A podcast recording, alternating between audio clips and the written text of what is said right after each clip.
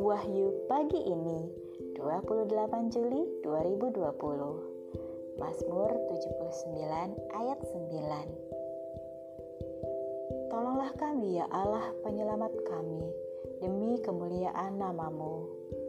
Lepaskanlah kami dan ampunilah dosa kami oleh karena namamu. Saudara-saudari Allah dapat menyelamatkan kita dari dosa melalui nasihat baik sesama kita. Semoga kita, Anda dan saya peka terhadap pertolongannya. Selamat pagi. thank you